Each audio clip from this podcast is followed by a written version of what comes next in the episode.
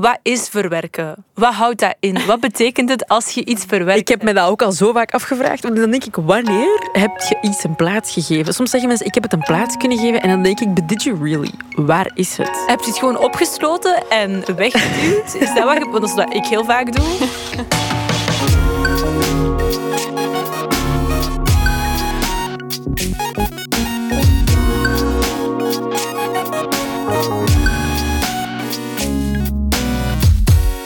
Hey besties! Hi, bestie. Welkom bij een gloednieuwe aflevering van Bless the Mess, de podcast. Ik ben Anoushka. En ik ben Kautar, hallo. Er is een podcast over de dingen des levens, dingen die we meemaken, die we meemaakten en dingen die we nog zullen meemaken. En die verzamelen we dan en delen we met jou.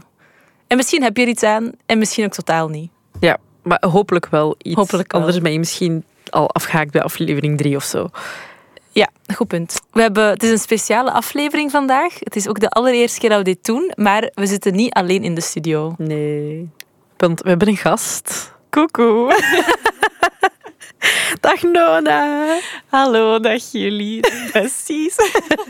Eh, Nona kan je onder andere kennen van de socials op Studio Brussel.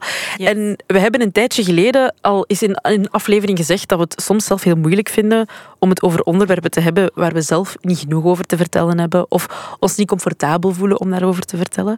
Dus daarom dachten we van waarom nodigen we niet af en toe eens iemand uit bij ons die het daar wel over kan hebben. En dat gaan we vanaf nu altijd in de schoolvakanties doen. Dus als je dit luistert, is het los in de herfstvakantie. Enjoy your vacation. Ehm, maar dus daarom, Nona, ben jij hier. Want je gaat het hebben over rouwen. Ja, ehm, het is vandaag 1 november. Dus dat is zo de dag ehm, ja, dat de mensen daar wel het meest mee bezig zijn. Mhm. Je hebt er ook zelf een podcast over gemaakt, hè, die vandaag ook uit is. Ja, inderdaad. eh, na de rouwstoet kan je luisteren op VRT Wax. Wat het? Eh, en waarover, waarover gaat het? Ehm, het start eigenlijk vanuit mezelf, vanuit iets dat ik zelf heb meegemaakt. Eh, ik ben mijn papa verloren toen ik 16 jaar oud was. Ehm, en de podcast ehm, die gaat dus over mijn verhaal, maar ook over het verhaal van andere lotgenoten, andere jongeren, die ook een ouder specifiek wel in die podcast zijn verloren. En het gaat van het moment dat je hoort dat je papa of mama gaat sterven, ehm, tot het moment van de begrafenis en zo. Dan na de rouwstoet van oké, iedereen gaat door met hun leven, maar voor mij staat het eigenlijk nu pas stil, want ik besef nu pas van, ah ja, die is echt weg en die gaat ook nooit meer terugkomen. En hoe leer ik daarmee leven? En dan eh, naar het einde toe eh, gaat het over ja, dat je toch wel leert accepteren of zo. En Mhm. Toch de, de kleine gelukjes van het leven daar terug van leert genieten. En ook ja, op een positieve manier kan terugkijken. Ja. Lijkt me wel niet de makkelijkste, het makkelijkste ding om er positief naar terug te kijken of zo. Ja, dat heeft ook wel, wel eventjes geduurd. En met eh, positief naar, die, naar, er naar terugkijken bedoel je dan niet het proces, neem ik aan, maar dan meer wie dat die persoon was in jouw Ja. leven en de mooie momenten die je hebt beleefd met die persoon. Ja, Ja. ik ben bijvoorbeeld heel ehm, blij dat ik 16 jaar lang een heel goede papa heb gehad. Die heeft supergoed voor ons gezorgd. Ehm, en als ik dan soms vriendinnen van mij hoor die een heel slechte band hebben met hun papa of ja, die hun verstoten heeft of zo, dan kan ik dat eigenlijk nog positief draaien in mijn hoofd van ik heb eigenlijk geluk gehad dat ik zo'n goede papa heb gehad. En dat is dikke pech geweest dat hij zo vroeg ja, gestorven is en dat ik die nu niet meer heb. Maar de tijd dat ik gehad heb, is wel zo waardevol geweest. En daardoor kan ik wel op een positieve manier terugkijken naar hem. En maakt dat verdriet dan ook ruimte voor ja, dankbaarheid. Dat, dat lijkt me wel een soort van spier in je hoofd dat je moet trainen of zo. Ja, in het begin ben je zo heel boos op de wereld. Hmm. Van mijn papa was dan gestorven eh, en die had kanker. Ehm, en dat is in twee maanden eigenlijk van diagnose naar ehm, ja, zijn sterfdag echt gegaan, supersnel. En dan ben je echt kwaad van hoe kan dat nu dat dat hier bij ons gebeurt en hoe kan het dat de dokter dat misschien niet eerder heeft gezien en hadden wij vroeger iets gedaan? Was het dan anders geweest? Zo, ja, dat voelt allemaal heel oneerlijk. En daar word je heel kwaad van. Ik gun dat niemand anders, maar toch ben je kwaad van waarom gebeurt dat hier bij ons? Ehm, dat is zo het gevoel dat in het begin heel hard overheerst. Dus dat is inderdaad wel zoiets dat je een plekje moet leren geven. Zo die woede. En Mhm. op den duur is dat bij mij dan wel veranderd in Mhm. verdriet en daarna in dankbaarheid. Wat niet betekent dat er nu geen verdriet meer is. Nee, nee, tuurlijk niet. Denk je dat dat moeilijker is om uw... ehm, allee, want je zegt ook van het is zo heel plots gebeurd. Is het moeilijker om plots afscheid te nemen van iemand, denk je? Allee, ik denk, het is moeilijk om een situatie te vergelijken, hè, maar... Maar is alle, alle dingen waar je om rouwt, gebeuren die niet meestal plots of zo op een korte... Want als ik zo even doortrek naar gewoon... Ja, je zit aan het... li- allee, You're living your life. En ineens besef je, eigenlijk vind ik het niet oké hoe dat een persoon mij vroeger heeft behandeld. Ja. Of zo. En dan plots is dat er. En dan zit je met die woede en die kwaadheid. En dan moet je daar ook ineens om beginnen rouwen. Dat is nu niet exact hetzelfde als een sterfte. Maar dat is ook wel een gevoel van rouw waar je ineens door moet gaan. En dat is er ook ineens. En dat overmand u. Ja, maar bijvoorbeeld, ik ben mijn oma verloren ehm, in december vorig jaar.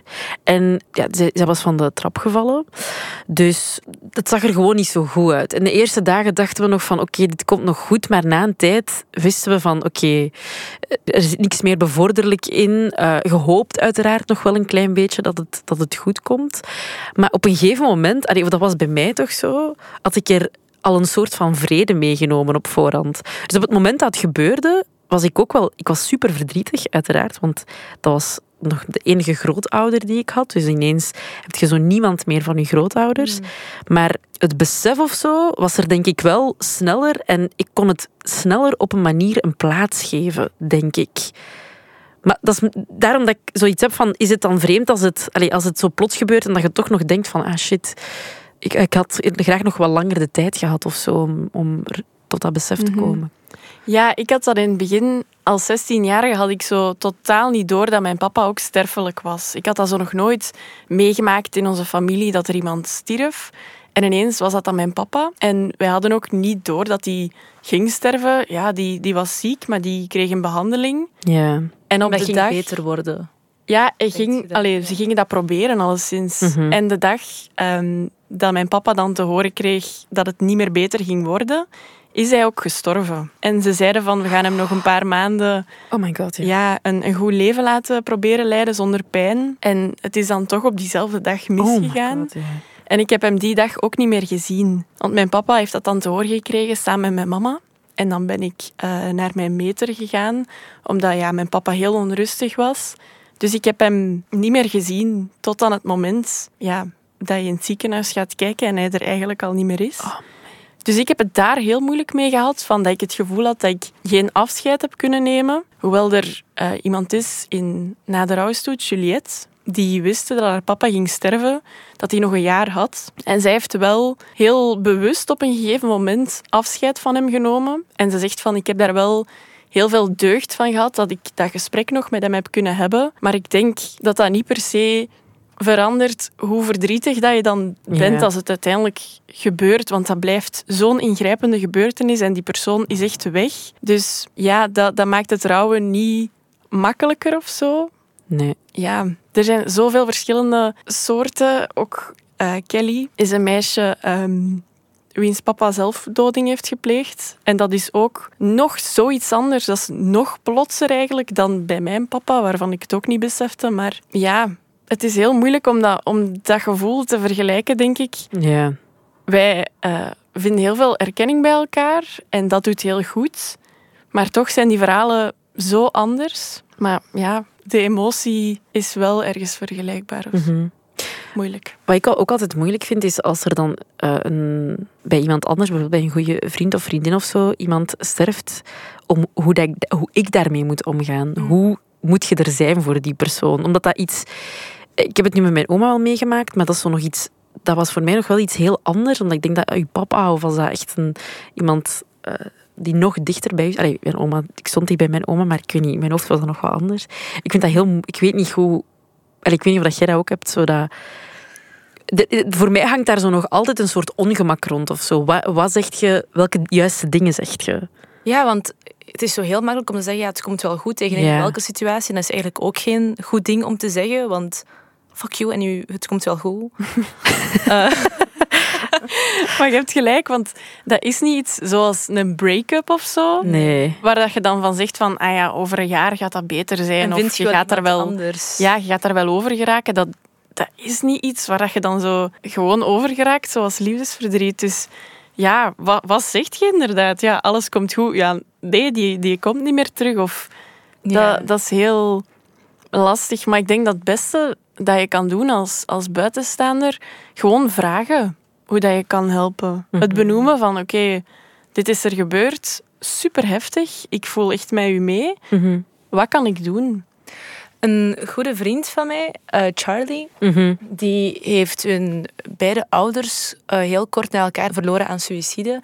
En die is daar echt heel goed mee omgegaan. Die had direct zo een lijstje klaar op hun Instagram gedeeld van ehm, dit zijn de dingen die je kunt doen om mij te helpen. Ehm, hier mocht je je kaartjes naartoe sturen. Ik wil niet dat mijn persoonlijk adres komt, want dat vind ik overweldigend. Ehm, je kunt mij plezier doen met eten te koken en te komen droppen. Of te komen helpen mij het huis van mijn ouders leeg te halen. Of zo van die dingen. Ik herinner mij dat ik dat toen ook heb gezien op ehm, Charlie hun Instagram. En ik vond dat super indrukwekkend. Dat hij meteen zoiets had van... En die had dat ook geleerd van een vriendin. Van, Echt? Ja. Zo die hulp allee, leren aanvaarden. Ja. Van, ik heb hulp nodig. Dat durven zeggen, dat is echt super moedig. En moeilijk ook. Ja, Lukte dat bij u eigenlijk, om zo echt hulp te vragen? ik wist zo in het begin niet echt dat ik dat nodig had. Ja. Ik ben direct terug naar school gegaan na die begrafenis. Veel te vroeg. Daarna ben ik ook zo soms wekenlang niet meer naar school gegaan. En ik was eigenlijk nooit een, volledige week op school. Ik ben veel te vroeg gegaan, geen hulp gevraagd of aanvaard. En dan later, als ik ging verder studeren, dus echt een paar jaar daarna, ben ik daar pas echt over beginnen praten met mijn vriendinnen van oké, ik heb het wel echt moeilijk en ik kan het precies geen plaatje geven of zo. Ik ben wel ehm, naar een organisatie geweest, The Missing You. Eh, en daar organiseren ze zo eh, ontmoetingsdagen voor eh, jongeren die iemand verloren zijn. En daar kan je iemand ehm, leren kennen dan in zo'n praatgroepen die hetzelfde hebben meegemaakt. En dat heeft mij wel heel hard geholpen toen met mij minder alleen te doen voelen. En ja, dat was echt het allerbelangrijkste in het begin. Beseffen van, ik ben niet alleen. En dat meisje waar ik mee, mee praatte was drie jaar ouder dan ik. En die had dat ook drie jaar geleden meegemaakt. En zo het perspectief hebben van, ik ga terug een normaal leven kunnen opbouwen. En ik ga daarmee leren leven en terug tussen haakjes normaal kunnen zijn. En de Ja. anderen ook niet meer zo raar naar mij gaan kijken. Want dat is ook zoiets in het begin. Je, Ah, ja.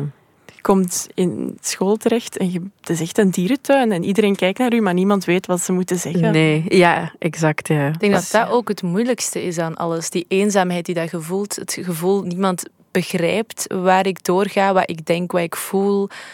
En dat, dat gaat ook niet. Er gaat nooit iemand zijn die exact hetzelfde meemaakt als u. Wel gelijkaardige dingen, maar nooit echt exact dezelfde situatie, want er spelen altijd andere factoren mee. En je kunt jezelf volgens mij heel makkelijk wijsmaken. Ik ben volledig alleen en niemand gaat mij ooit begrijpen. En dit is hoe ik me voel en hoe ik me altijd ga voelen. Ja, je kunt je daar zo heel snel in verliezen. In dat, Ja, in vandaar dat ik zei, dat is een spier dat je echt moet trainen in je hoofd om op een positieve manier te kunnen terugkijken naar iets en om iets te kunnen verwerken. Mensen zeggen heel vaak en heel snel en heel makkelijk, ah ja, ik heb dat al verwerkt, ik ben daar al volledig over. Maar dan zit je niet zo niet. shit doen en zeggen, waarbij je denkt, mm, Girl. I don't know who your knock therapist you. You're lying.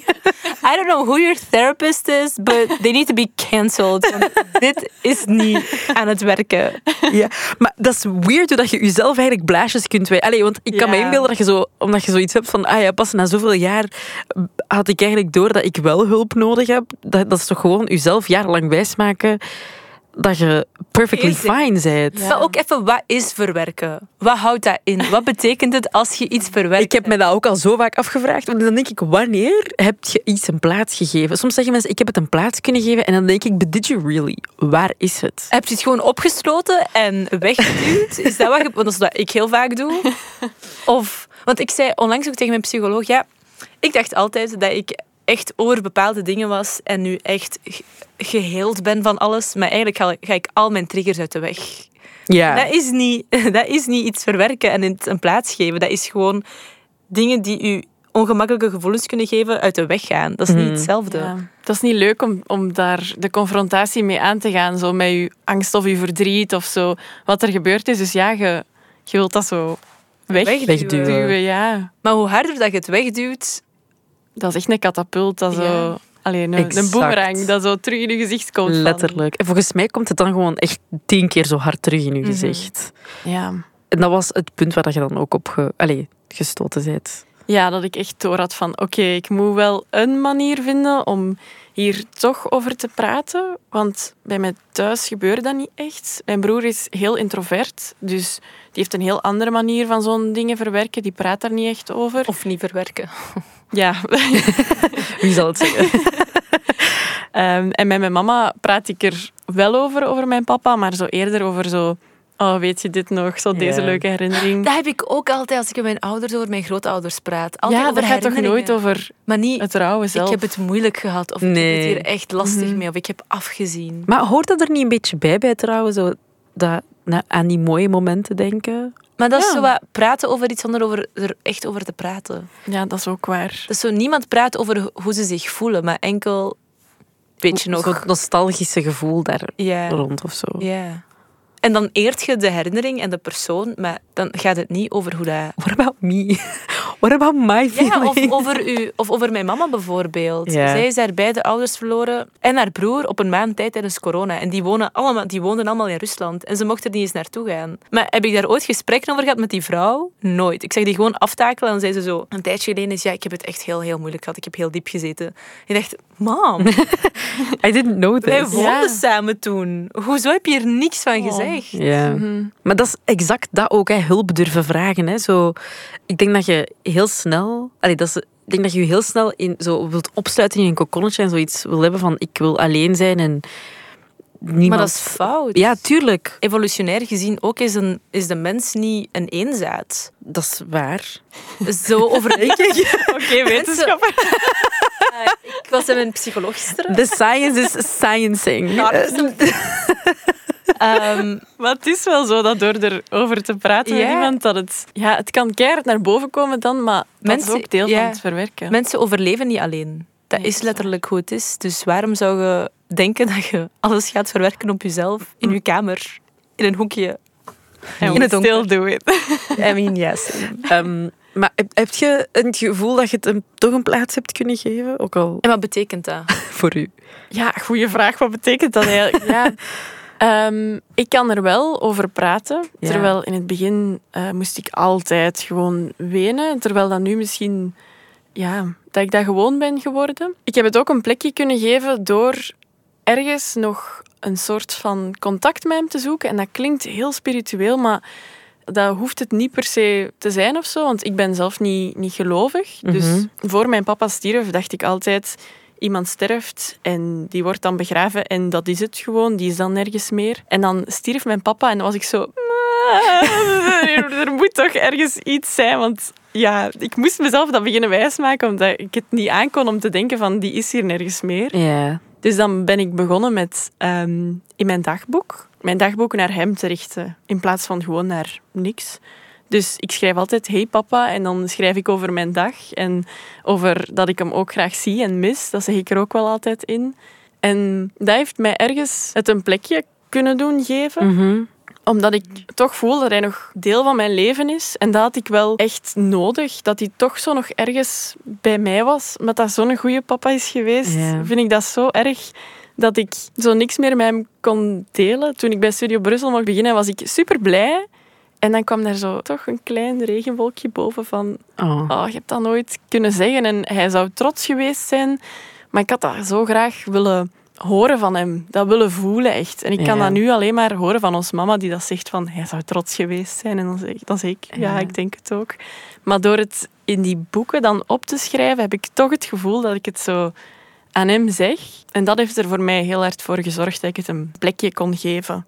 En ja, gewoon die gevoelens toelaten. Hoe kut dat ook is en hoe lang dat ook kan duren, laat die gevoelens toe, want die dringen zich op. Hmm. Je kunt dat niet...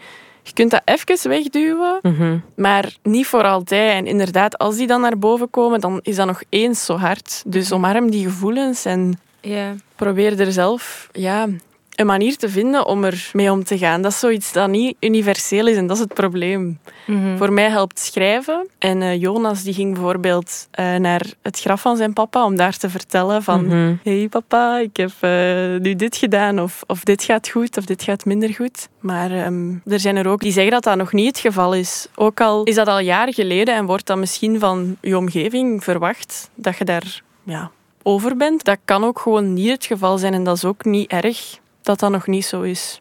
Dat mag er zijn, dat verdriet.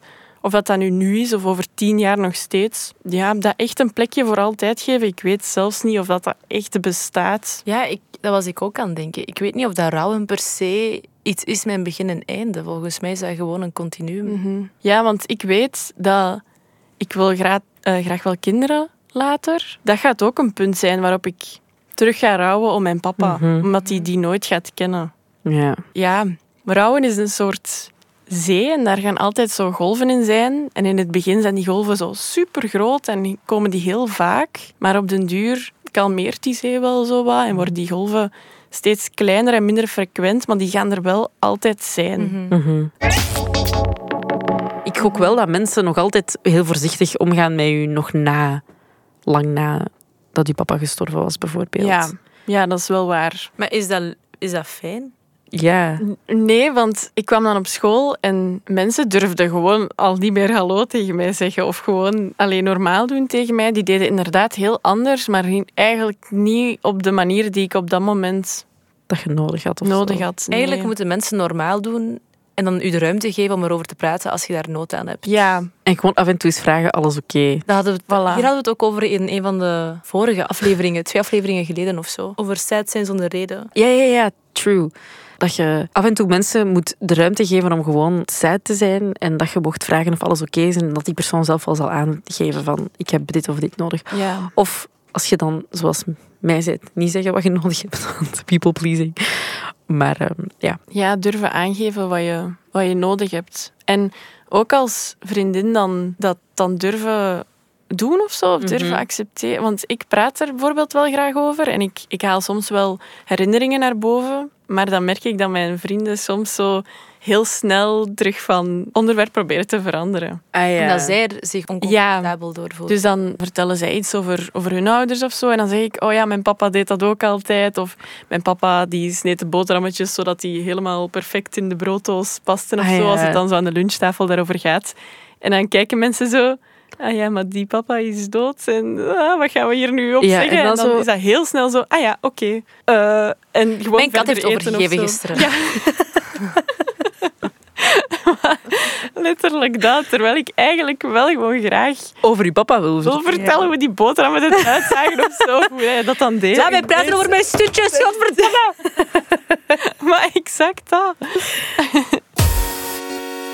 Erover praten was voor u belangrijk om ermee om te gaan, maar eh, af en toe moet het toch ook wel plezant zijn, denk ik, toch? Je kunt, omdat, ik denk als je altijd in die zware emotie blijft zitten, dan trekt je jezelf ook dieper of zo? Of Ja. is ik dat fout? Nee, dat is waar. Want met mijn ehm, zo lotgenoten, die dat ook hebben meegemaakt, ik heb zo'n collega eh, op Studio Brussel, eh, wij kunnen echt praten over die moeilijke momenten, maar wij kunnen daar... Ja, dat gaat zo'n beetje luguber klinken, maar wij kunnen daar ook over lachen. Ja.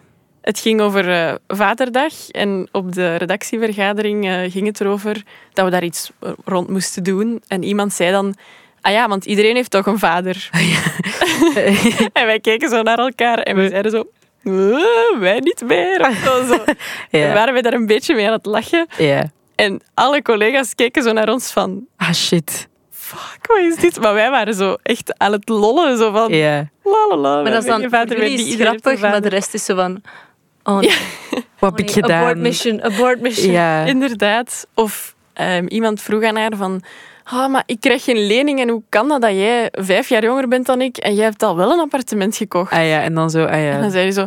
Ja, mijn vader ligt onder de grond. Oh, oh. En dan denk ik, dat is zo dark, maar dat is wel een manier om, om er mee om te gaan. Ja, En ik weet niet of mijn papa dat al grappig zou gevonden hebben. sowieso wel. Ik zou dat ook doen. Als ik onder de grond zou liggen, I mean not the same, maar ik zou echt denken aan mijn kind denken en denken, you go girl, Please be funny. get your coin. Dat zo voor iedereen daar rond is dat zo... Wat zeg jij? En vooral, wat zeggen wij hier nu op? Maar zo, voor mensen die dat ook hebben meegemaakt, is dat zo... Dat is de manier soms om ermee om te gaan. Om het zo luchtig mogelijk te maken. En ja, dat moet soms ook maar een keer kunnen of zo. En ik ben dan ook blij dat mijn beste vriendin, Fien bijvoorbeeld... Die kan dan ook zo'n beetje bij mij meelachen. Zo van, "Goh, Ja. wat zeg jij nu of zo? En dat apprecieer ik zo hard, dat die in al mijn emoties meegaat. Dus als ik één tip mag geven, doe dat gewoon. Vraag hoe is het en zie in welke bui dat die persoon is en ga daarin in mee. Zo go with the flow van Ja. de persoon die... Ja, exact. En als je het zelf hebt meegemaakt, vraag om hulp. Je mag gewoon zeggen wat dat je nodig hebt. En dan kunnen de mensen rondom jou het best jou helpen. Want ik ben er zeker van dat die dat sowieso wel willen, Mhm. maar soms gewoon niet goed weten hoe. Mooi. Heel mooi. We zijn wel vergeten om uw Messi-moment te vragen in het begin Oh. van deze aflevering. Misschien moeten we daarmee afsluiten voor één keer. Ja. Heb je er eentje? Even ter info, Nona is ook een van de besties. Ik ben echt een bestie. Allee, ja, ik luister. Ik heb wel, denk ik, elke aflevering tot nu toe al geluisterd. Ook gewoon, dat voelt echt als een, een vriendinnengroepje waar je dan gewoon zo in zit. Maar Zo, ik kan dan even de introvert uithangen, want ik hoef niet te praten. en jullie vullen het dan gewoon Nice. 20 minuten op. Maar ehm, ja, ik luister dus ook wel altijd naar jullie Messi-momentjes. En als ik iets meemaak, dan denk ik daar soms ook wel aan van dit was nu een Messi-moment. Nice. Allee, niet nice dat je een Messi-moment meemaakt. Hallo, ik denk aan ons koppel. Ja. Ik, eh, ik was met een promowagen hier. Allee, zo een auto met het logo van M&M was het eigenlijk. Was Ah, ik aan het rondrijden. en ik had die dan in mijn straat geparkeerd. Maar er was iets eh, mis met de auto bij het opstarten. Dus ik had toen naar mijn collega gebeld van... hey, ik krijg de auto niet gestart. Eh, hoe moet dat? En die had mij dat uitgelegd. Dus ik was dan thuisgekomen. Ik had gegeten. Het was ondertussen Oh al God, half tien s'avonds. ik. En ik denk, ik ga mijn mama bellen. Dus ik pak zo mijn, mijn gsm en ik bel naar die collega. Maar ik had dat niet door. Ik dacht dat dat mijn mama was. Ah, ah oké, dat Dus- is iets anders. Nee. Ehm, ik, ik ben aan het bellen en dat gaat zo tuut tuut over. En die zegt zo hallo. En ik zeg, hey mama. en die collega, ook zo een mannelijke collega, zo hallo. en ik kijk zo op mijn gsm. Ik zo, oh my god. Sorry. Sorry, het is half tien s'avonds. Je bent duidelijk niet mijn mama. en dat heb ik ook gewoon afgelegd. Dat is echt een van de gênantste dingen ooit. Ik heb dat ooit meegemaakt met Robin. Ik belde Robin, maar die dacht dat ik zijn lief was. Dus die, zo, die pakt op en die zo, hey baby. En ik zo, wat zeg jij tegen mij? Like, we zijn veel dingen, maar clearly ben ik uw baby niet. And never will be. Gênant moment. Fysiek Jij krijgt bij deze een bestiebandje. Yay! En voor de andere besties die aan het luisteren zijn, uw Messi-moment ook altijd welkom via Blessemes, de podcast, op onze Instagram-pagina. Yes. Je mag van alles delen, foto's, verhalen via DM's, Voice messages als je wilt. stories, Doe maar. filmpjes. Go nuts. En, Dan zien we jou. Of horen we jou. en volgende week. Bye! Doei! Wil jij ook een doei doen? Doei!